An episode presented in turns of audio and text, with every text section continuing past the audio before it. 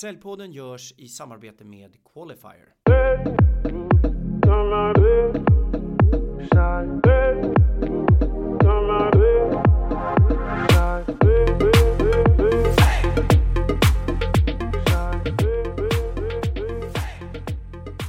Hej och välkommen till Säljpodden. Jag heter Ken Skog och det här är en podd för oss som gör affärer. Den här podden ges ut tillsammans med Säljarnas Riksförbund. Jag sitter här idag med en gäst. Georg Brontén, VD och grundare av Sales Enablement och CRM-företaget Membrane. Välkommen Georg! Tack så mycket, kul att vara här. Jätteroligt. Det är så härligt att du är här för att när jag fick frågan om att bli programledare så tänkte jag på dig ganska snabbt att du skulle vara en gäst. För att jag har läst väldigt mycket av de bloggar och sett en hel del videos och tycker att du har mycket bra att säga inom det här området försäljning. Kul att höra, tack för det. Jag tänkte att du skulle få presentera dig själv. Jag har gjort en kort ingress till Georg Brontén men jag tror att du har en bättre story kring vem du är. Kan du kort berätta lite grann, vem är du? Vem är jag? Eh, ja, Georg har ju sagt att jag heter. Jag är, jag vet inte, ska man säga hur gammal man är? Det vill jag helst inte göra. Men jag bor i Nacka med min familj, två barn, fru. Vi har bott där sedan 2001. Stormtrivs där. Har jobbat med sälj och marketing hela mitt liv. Jag får väl kalla mig en entreprenör. Jag har haft ett riktigt jobb tror jag. Men i övrigt så har jag ju startat bolag och drivit bolag. Och nu är det ju Membrane som är i fokus. Så att jag brinner ju verkligen. Jag är passionerat intresserad av försäljning och marknadsföring också. Men sälj är mitt, mitt fokus och min, min passion. Berätta Georg. Hur kommer det sig att du startade Membrane? Kan du inte berätta från början? Jag har läst i din bok och det finns en väldigt bra story kring det här som handlar väldigt mycket faktiskt om misstag och lärande som ledde fram till startandet av bolaget. Ja, ja så var det verkligen. Eh, jo, jag drev ju innan Membrane så startade jag ett bolag som heter Upstream. Eh, vilket är ett fantastiskt härligt namn tycker jag. Det är verkligen taget ur eh, mina egna drivkrafter att utmana mainstream. Och i Upstream så gjorde vi en jätteresa. Det här var väl kanske runt 2006 tror jag. Där vi historiskt hade sålt ganska transaktionella mjukvaruprodukter till eh, IT-konsulter som Office och Atea och allt vad de heter. Och där så insåg vi att ja, men vi måste nog hitta någonting annat att sälja till de här bolagen för att lyfta vår omsättning och, och bygga bolaget och skapa mer värde. Så vi intervjuade 350 stycken av de här bolagen och märkte att oj, oj, oj, de behöver inte fler produkter i sin portfölj. De behöver en helt ny affärsmodell. Och då hittade vi en lösning där de kunde då gå från att vara väldigt reaktiva, ansåg vi då, då eh, där de sålde IT-produkter och, IT, eh, och sen så eh, fixade man problemen som uppstod i IT-miljöerna. Till att de kunde gå in och använda en lösning som vi då erbjöd som kunde automatisera större delen av det här driftsarbetet de hade och ta ett fast pris för att det fungerade. Mm. Så istället för att ta betalt för när det inte funkar kunde de ta betalt för att det funkar. Och det här gjorde att de här bolagen kunde gå från 2-3% lönsamhet eller ingen lönsamhet alls ibland upp till 30% lönsamhet. Så det var ju en jätteförändring, wow. förbättring för de här bolagen.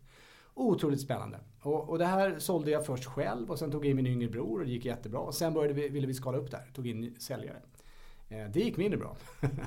så vi anställde och vi sparkade och vi anställde och vi sparkade. Och, och till slut så fick jag ju sätta mig och fundera kring det här. Vad är problemet?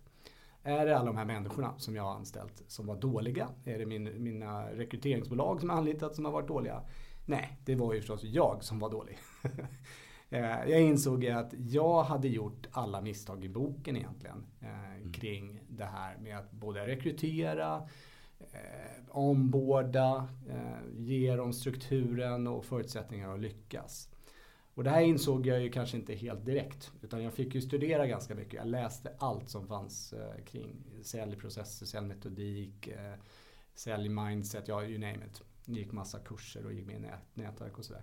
Så att det där, allt det där, den, den tuffa erfarenheten eh, och, och de lärdomarna från de misstagen ledde till att jag startade Membrane. Och en parentes i det där är ju också att jag märkte att många andra företag Eh, och säljledare och chefer hade samma utmaningar.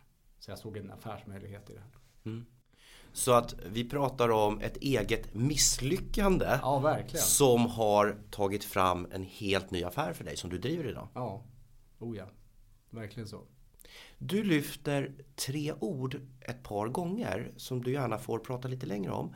Du, du lyfter ordet komplex affär. Kan du definiera, vad är det? Det är lite roligt för att eh, jag har ju varit delaktig i ett nätverk som heter ProSales under många år. Och jag är säker på att många eh, lyssnare känner till ProSales arbete. Och de har ju använt den retoriken. Och jag har ibland kritiserat dem för att de använder den retoriken. För jag tycker komplex, ordet komplex är egentligen inte så bra.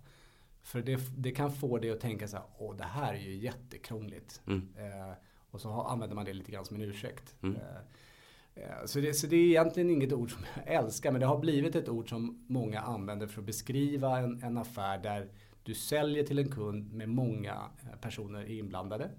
Eh, längre säljcykler, hög upplevd risk för köparen. Eh, och, och de här parametrarna som, som Proset gör ett så bra jobb i att definiera tycker jag. Eh, gör att de, den försäljningen kräver en annan typ av organisation och ledning och stödsystem. Eh, Och det, det är den typen av försäljning som jag tycker är spännande. Så jag är inte så fokuserad på transaktionell försäljning när vi sälj, ringer och försöker sälja ja, telefonabonnemang till ett lägre pris till privatpersoner. Det, det är inte min målgrupp. Så komplex försäljning är Membranes huvudområde. Bara. Du lyfte ordet risk. Det var det andra ordet du lyfte. Det beskrev du lite grann nu. Och det tredje ordet det var invasivt. Det är ju ett otroligt fint ord. Det är ju lite läkarspråk. Kan du gå in på invasivt lite mer? Vad innebär det? Nej, men jag tror om man, om man ser det från kundens perspektiv. Det här eh, exemplet med Upstream tycker jag är bra för att eh, invasivt är ju- om du säljer någonting som kommer att påverka kundens vardag på, på ett invasivt sätt. Det vill säga att du, om, om man tar det här läkarexemplet du sa, om, om du tar en, en Ipren, det är inte särskilt invasivt, du sväljer en tablett, men om du lägger det på operationsbordet och någon ska öppna upp dig genom att sätta en skalpell i dig. Det är ju mer invasivt.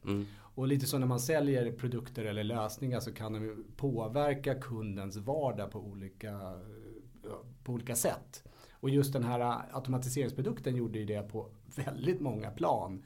Där kunden fick, som jag nämnde, nä- byta eller ändra hela sin eh, paketering. Hur de skulle marknadsföra sig. Det var inte längre vi har lägst timpris och vi sätter oss i bilen och kommer snabbast ut när det är problem. Utan helt plötsligt så var ju eh, eh, mer en trygghets eh, man sålde. Att med oss som leverantör så kommer du inte ha några IT-problem.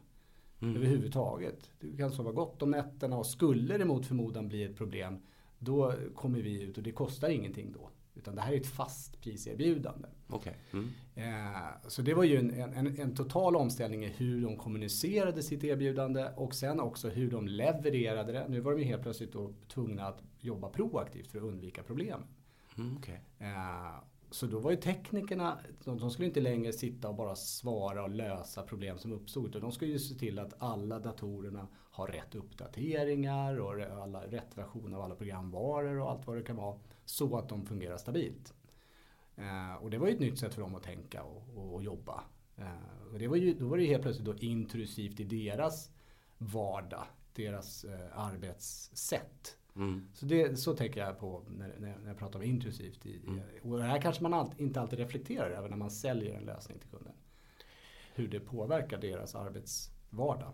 Så när deras arbetsvardag, processer, flöden, fler människor blir involverade då ökar intrusiviteten eller invasiviteten eh, och då ökar antalet upplevda risker hos kunden också. Och det är det som gör det komplext. Och rädslor. Och rädslor. Ja. Eh, för det kan ju vara kompetens också. Att aha, okej, jag är ju jätteduktig på att fixa IT-problem. Men jag har ju aldrig riktigt jobbat så här proaktivt och upp, liksom jobba och tänka kring vad skulle jag kunna göra för att undvika att det blir problem. Och jag har aldrig, den här programvaran som jag ska börja använda, jag har aldrig sett förut. måste jag lära mig den. Så måste jag liksom kompetensutvecklas. Det kan ju också vara intrusivt. Det här är ju en väldigt svår fråga att ta till sig på en gång. Du får göra ditt bästa för att svara på den här så kort och kärnfullt som möjligt. Hur gör jag då som säljare om jag ska hantera en komplex affär? Har du någonting jag bör tänka på eller göra? Oj, ja det var ju en bred fråga. Eh, det enkla svaret, eller eh, jag vet inte om det är enkelt, men det är ju att verkligen förstå kunden. Mm. Så vad kommer, vad kommer det här innebära för kunden? Tänka igenom hela den, eh, den resan för dem. Vad kommer de behöva göra? Och där, där, tror jag inte vi alltid är så bra som säljare eller säljorganisationer att, att göra det arbetet. Utan vi är så fokuserade på vår förträffliga lösning. Och alla de andra grejerna tar vi lite grann för givet. Ehm, och, och det, det, tror jag man ska alltså backa bandet, tänka igenom, sätta in i kundens sits. Och alla de här äh, frågeställningarna, rädslorna som de har eller kommer att ha, hantera dem eh, innan du börjar sälja. Jag tycker det var ett väldigt tydligt svar på en bred fråga. Hur kommer det sig att vi inte lägger tid på det här i säljorganisationer idag då? Att faktiskt lägga upp en metodik eller ett förhållningssätt till att, att förstå kunden på, en djupare, på ett djupare plan? Jag får gå tillbaka till mina egna äh, misstag och misslyckanden. Äh, och, det var ju att jag antog att äh, är man en duktig säljare. Första antagandet var kanske till och med att säljare, det är ju det är något man föds till. Och är man en duktig säljare då, då, kan man, då, då är det här något man kan. Mm. Det är inget man behöver lära folk. Och sen har vi ju massa andra problem i det här yrket. att det är väldigt vanligt att man, man är en duktig säljare, man är bra på det man gör, man stänger mycket affärer, man får glada kunder. Och sen blir man säljchef för att man har ju gjort ett så bra jobb. Eh, men då förväntas man då helt plötsligt kunna göra det jobbet. Också kanske medfött. Eller på grund av hur duktig man har varit som, som säljare. Hur kommer det sig att vi inte har blivit eller är duktigare på att faktiskt sätta oss in i kundens olika delar och deras rädslor och deras sätt att se på risker och så vidare? Jag tror att vi gör för många antaganden. Helt enkelt. Vi, vi tror att säljare vet hur de ska göra. Eh, vi antar att det här är de, någonting de kanske redan gör. Eh, och sen har vi ju ett problem högre upp om man tittar på hur man leder säljare. Eh, och det är ju att ofta så är det den bästa säljaren som blir säljchef. Mm. Och han eller hon kanske inte får den utbildning, stöttning, coachning och de verktyg som behövs för att vara en bra säljchef. Så ibland är ju tyvärr många säljchefer inte, inte utrustade för att kanske göra det bästa jobbet de kan. Och, och, har man då inte haft det här fokuset tidigare så, så kommer man förmodligen inte ha det som chef heller. Nej. Så att, om man tittar på mycket litteratur inom sälj också. Det är något som jag har reflekterat över när jag har nu börjat, börjat skriva en egen bok. Är att, att det, skriv, det har ju skrivits otroligt mycket böcker om hur du ska göra som säljare. Mm. Alltså hur du ska ställa frågor och, och mycket metodik kring, kring det.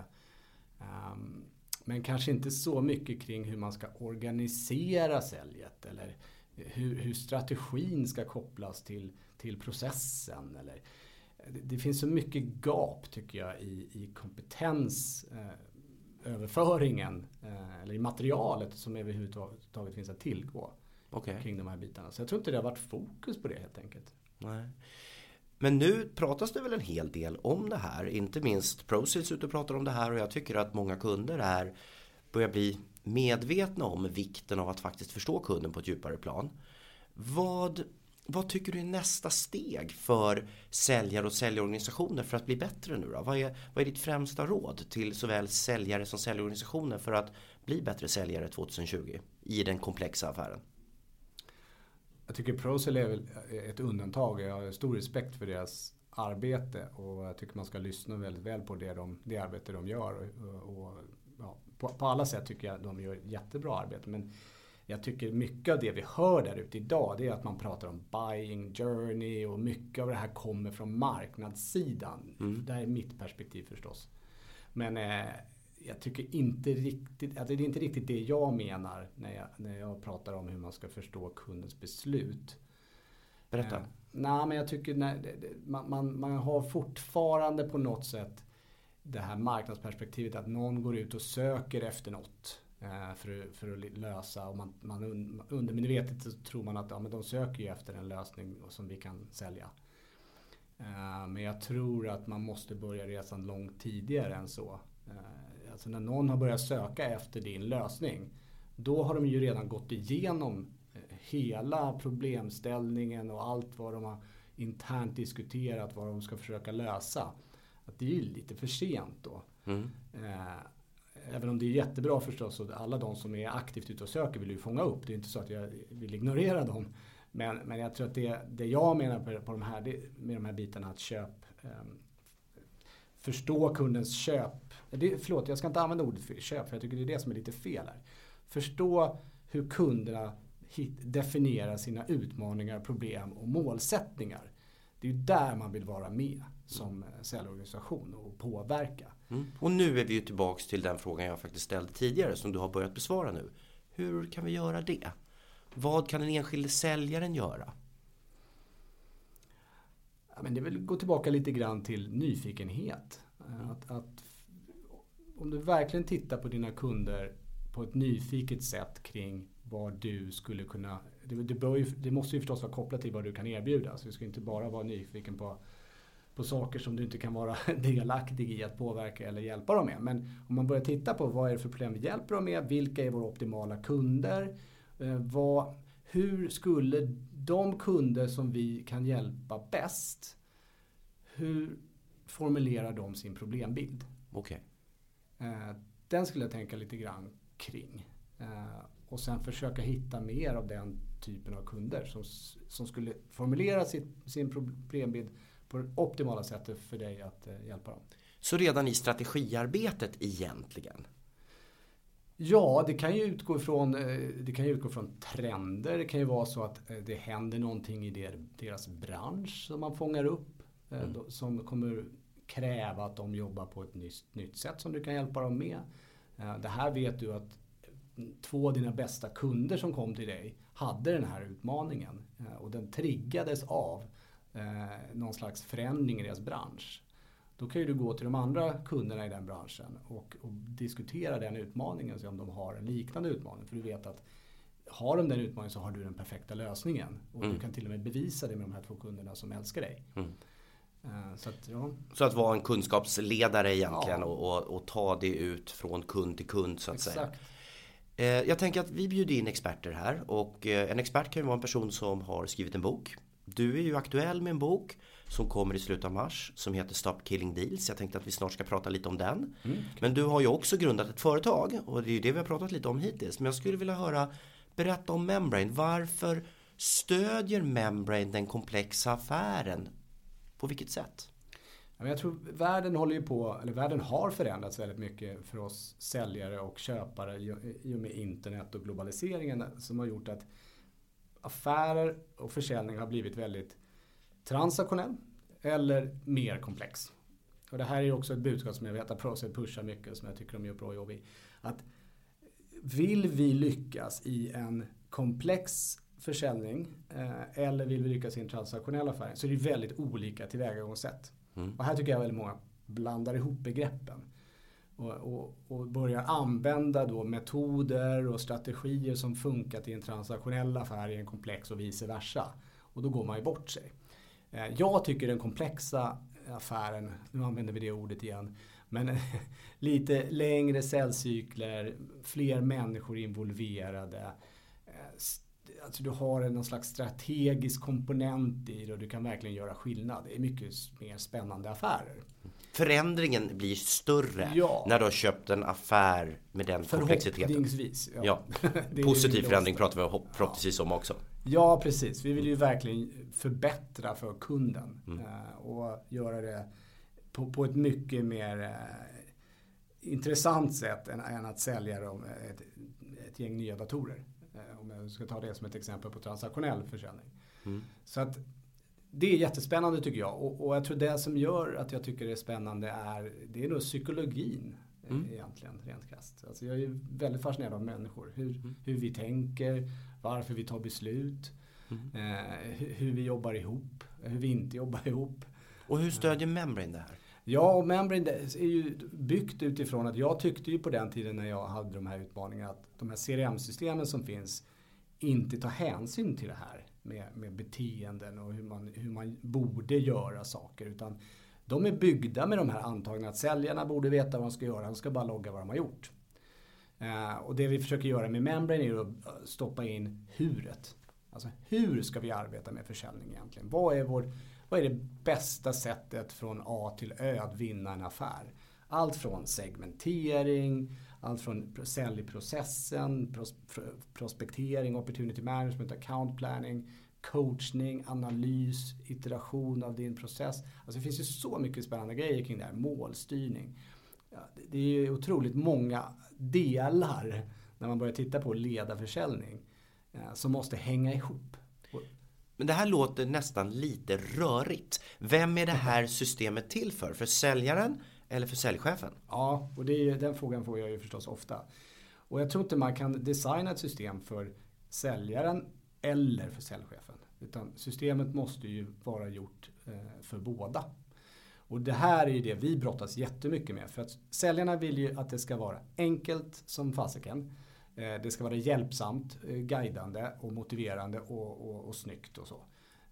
Och göra allting i vardagen snabbare och skönare. Medan säljledningen och säljcheferna de vill ju ha bra analys. De vill kunna förstå vem ska jag coacha, när och hur och varför. Eh, vad, hur funkar vår process egentligen? Eh, hur står vi oss mot konkurrenterna? Hur är vår winrate? Vi vill ha mycket analys faktiskt. Mm. Eh, så, så det, den här balansgången är ju jättesvår när man utvecklar eh, system. Att få ihop det här. Och som du säger, det är ju många saker som kan göra att det blir rörigt. Men, men den röda tråden för vår del det är att försöka allting ska kretsa i huret. Alltså hur jobbar vi med försäljning? Och, om, och det blir ju i princip en process när man kokar ner det här. Process, metodik och lärande ska hänga ihop. Och det är ju ett ord som folk hatar i sälj ofta. Process. Så vi behöver döpa det till arbetsflöden istället. Men att får du arbetsflödet att kännas bra, hjälpsamt, guidande, då får du statistiken på köpet. Mm. Så det är lite så vi tänker. Den, den primära användaren av systemet är säljaren. Mm. Så det, de tänker vi på mest när vi bygger arbetsflöden och, och verktygen. Men vi måste också tänka på säljchefen för han och hon måste få ut statistiken, analysen och veta vem man ska coacha och så vidare.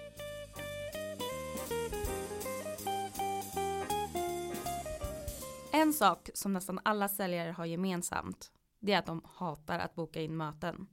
Jag har inte träffat någon säljare som har prospektering som favoritsyssla och därför är det kul att samarbeta med Qualifier.ai. Qualifier.ai är en plattform som hjälper säljare att automatiskt hitta och kontakta nya prospekt så att säljaren kan göra mer av vad de tycker är kul, som att gå på möten, signa kontrakt eller kanske spela in poddar. Allt medan tekniken sköter så att ens kalender blir full av möten. Om du vill veta mer så kan du bara gå in på qualifier.ai och boka en demo. Vi har ju börjat prata om mindset och sen har vi pratat om beteende under den här podden så här långt. Och nu landar vi i process. Hur hänger de här tre ihop? Vad, vad har processen för del av de här parametrarna? Ja, vi har ju, det finns ju en annan parameter där också som jag tycker man, man saknar i det här dialogen. Det är ju strategin. Så du måste ju ha en strategi på hur du ska nå ut eh, och hur du ska hjälpa kunderna. Och den tycker jag man måste koppla väldigt nära till processerna och arbetsflödena. Mm. Och, och, då kommer när du kombinerar processerna och arbetsflödena då kommer ju det här huret in och det handlar om kompetens och färdigheter. Kan jag det här?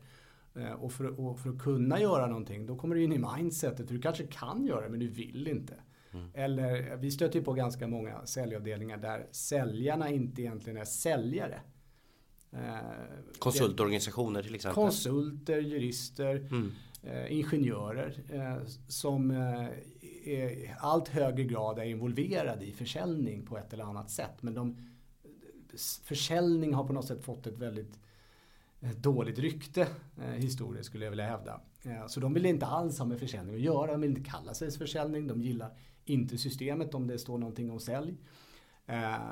Men de uppskattar ju förstås eh, att få en hjälpande hand av systemen. Men där kan det ju vara mindsetet som, som verkligen ställer till det. För då börjar du komma in på din identitet. Mm. Jag är ingen säljare. Om du tänker så så kommer du ha problem med försäljning. Mm. Eh, så att jag tror att alla de här sakerna hänger, hänger ihop. Eh, mm. Men process tror jag vi ska mjuka upp tanken kring. För att Jag brukar ofta prata om den här boken som heter Checklist Manifesto. Ja. Eh, Där är, är en, eh, en, en kirurg som har beskrivit hur de introducerade checklistor för att undvika problem eh, när de opererar patienter. För väldigt många människor dör på grund av att man gör slarviga misstag och sånt. Och de tog det här från piloterna som ju använder checklistor för att undvika att inte vi kraschar planen för att de inte har tankat det eller vad det nu må vara. Eh, och- när de gick till eh, kirurgerna med den här idén. Så här, vad tror du om det här en checklista? Kolla piloterna kör ju. Nej, för fasiken, det där verkar ju töntigt. Jag har ju varit eh, kirurg i 20 år, jag behöver ingen checklista. Nej, men är det inte rätt skönt ändå när du ska flyga att du vet att piloten har koll på läget, han kör ju sin checklista. Du tycker väl inte att han är en sämre pilot för det? Nej, det har du ju rätt i. Ja, men låt oss testa. Sen minskade de ju mängden dödsfall med 47 procent.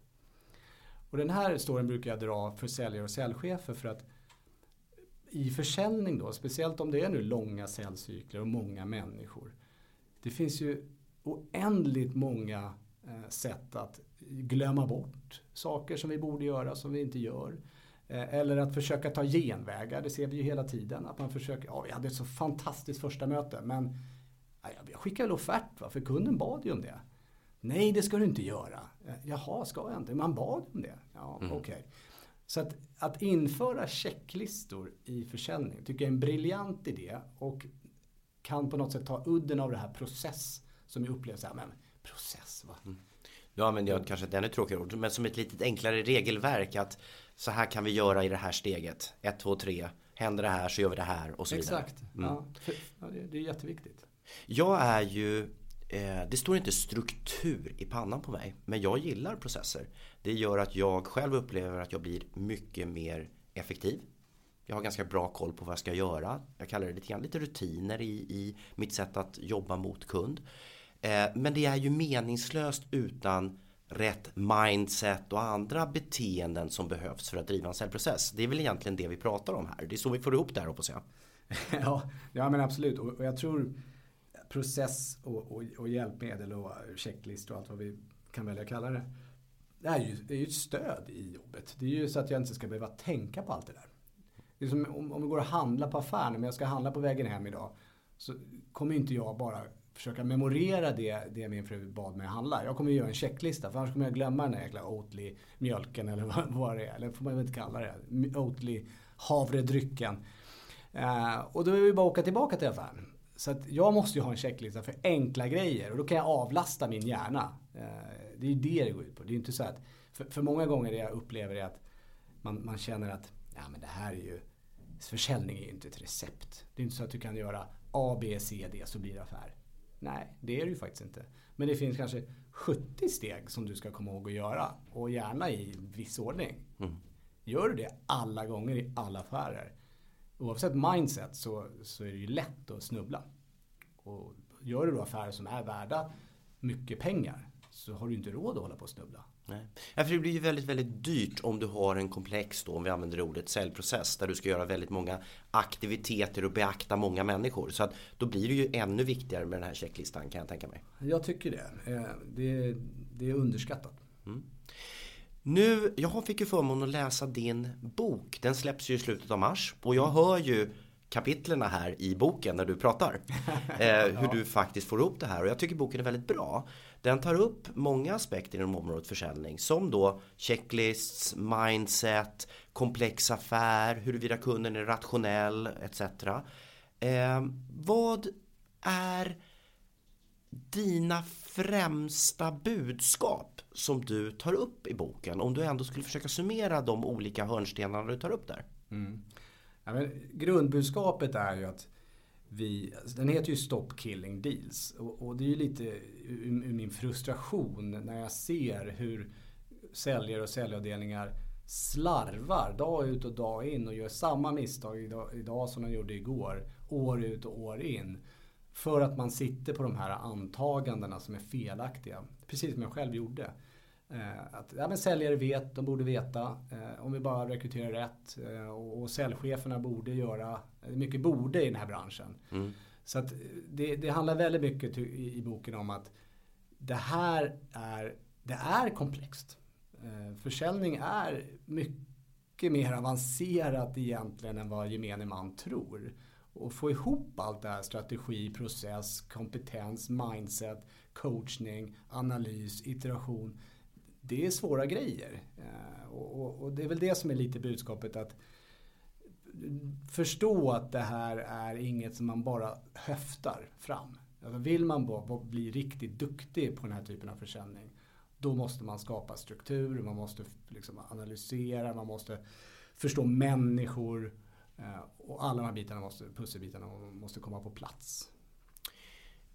När man arbetar med komplex försäljning och är försäljningschef, jag tror det finns flera där ute som då känner att vi når inte riktigt de resultaten vi vill nå.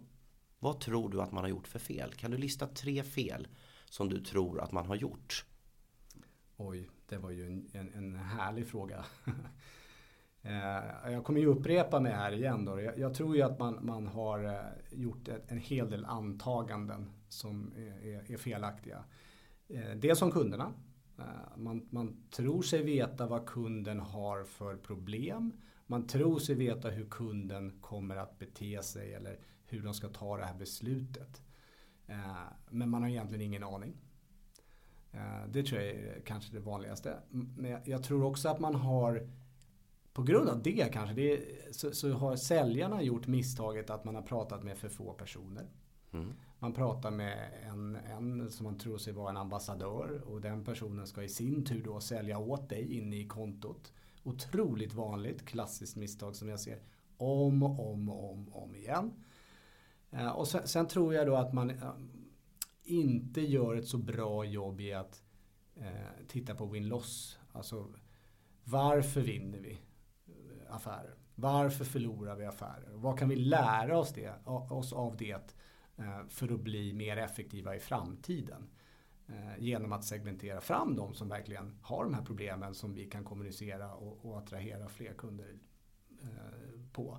Så att, ja det var väl tre där. Så mm. stanna där kanske. Mm. Jag tycker den där är ganska intressant. Din andra del där, där du säger att man låter någon annan internt hos kunden sälja åt den och dra det på ledningsgruppen. Mm. Jag själv gjorde en sån 2016 när jag jobbade på Wise Group så mm. kom det en säljare till mig och eh, skulle sälja någonting. Jag kommer faktiskt inte ihåg vad det var men jag var väldigt intresserad. Mm. Men sa att det här drar jag på ledningsgruppen. Och fyra minuter in i min presentation på ledningsgruppen så kom jag på att jag kan inte presentera det här på ett vettigt sätt överhuvudtaget. Nej. Så att då fick jag faktiskt bjuda in den här säljaren. Ja. Och tack och lov, det gjorde att vi bestämde oss för att köpa den här produkten. Ja. Eh, så att det, det, är faktiskt en bra take. Överlåt inte till någon annan att presentera det du är bäst på att presentera. Ja, och, jag tror att det, det, är mycket mer komplext än så. För att då kommer, när vi väl är framme och presenterar det, eh, det, det, vi har missat många gånger i försäljningen det är ju att förstå alla de här som kommer vara delaktiga. Alltså de mm. som satt i ditt styrelserum där. Säljarna har ju ingen aning om vad de tycker är bra och dåligt och hur prioriterat det här var. Mm. Nu, nu, var ju du en drivande kraft och fick igenom det. Det händer ju ibland. Mm. Men, men i må många gånger så blir du ju nedskjuten. Ja, det är många gånger man själv inte orkat ta det vidare. Så att... Ja, så att eh, det, det är hela det där tidiga arbetet i säljet. Eh, det, det är väl också en viktig poäng tycker jag. Att, att allt det här tidiga arbetet är mycket, mycket viktigare än när du är framme och pitchar.